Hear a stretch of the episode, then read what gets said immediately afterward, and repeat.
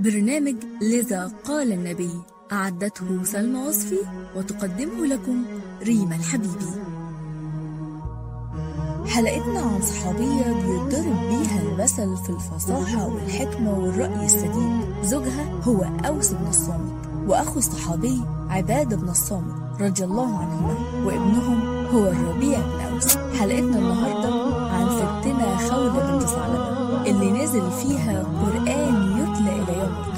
أما عن موقفها مع النبي فلما زوجها حلف عليها وقال لها تحرمي عليا زي أمي. فخافت جدا من القسم ده وما بقتش عارفة هي موقفها إيه دلوقتي كزوجة. وأخدت بعضها وراحت لسيدنا النبي وحكت له الموقف بالظبط. وكانت المفاجأة إن الرد جه من سابع سماء. ونزلت فورا الآية الشريفة اللي بتقول بسم الله الرحمن الرحيم قد سمع الله قول التي تجادلك في زوجها وتشتكي إلى الله والله يسمع تحاوركما. إن الله سميع بصير. في سورة كاملة من القرآن الكريم باسمها.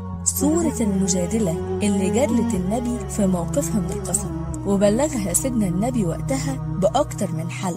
أول حل قال لها خليه يكفر عن القسم ده بأنه يعتق رقبة. فقالت له ما يملكش للأسف يا رسول الله. قال لها طيب يصوم شهرين ورا بعض. فقالت له ده راجل كبير في السن صعب عليه. فقال لها طيب يطعم ستين مسكين. فقالت له برضه ما يملكش قال لها طيب أنا هديك التمر اللي هيطعم بيه 60 مسكين. وراحت ردت بسرعة وقالت وأنا كمان هساهم في الإطعام. لذا قال النبي أصبتي وأحسنتي تصدقي به عنه واستوصي بابن عمك خيرا.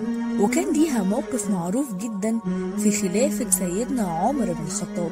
لما قابلته مرة على الطريق ووقفته وقالت له اتق الله في الرعية. واعلم أن من خاف الوعيد قرب عليه البعيد ومن خاف الموت خشي عليه الفوت. ويومها كان في واحد في صحبة سيدنا عمر اسمه الجارود. اتضايق جدا وقال لها خلاص كفاية طولتي قوي فسكته سيدنا عمر وقال له أنت متعرفش دي تبقى مين؟ دي اللي سمع ربنا قولها من فوق سابع سما. فعمر والله أحق أن يسمع لها. اللهم ارزقنا فصاحة وتقوى. خولة بنت ثعلبة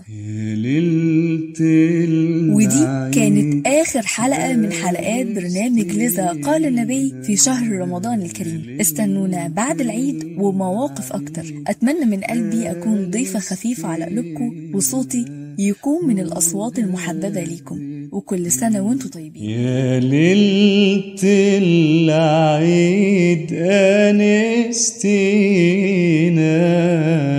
يا ليلة العيد أنستينا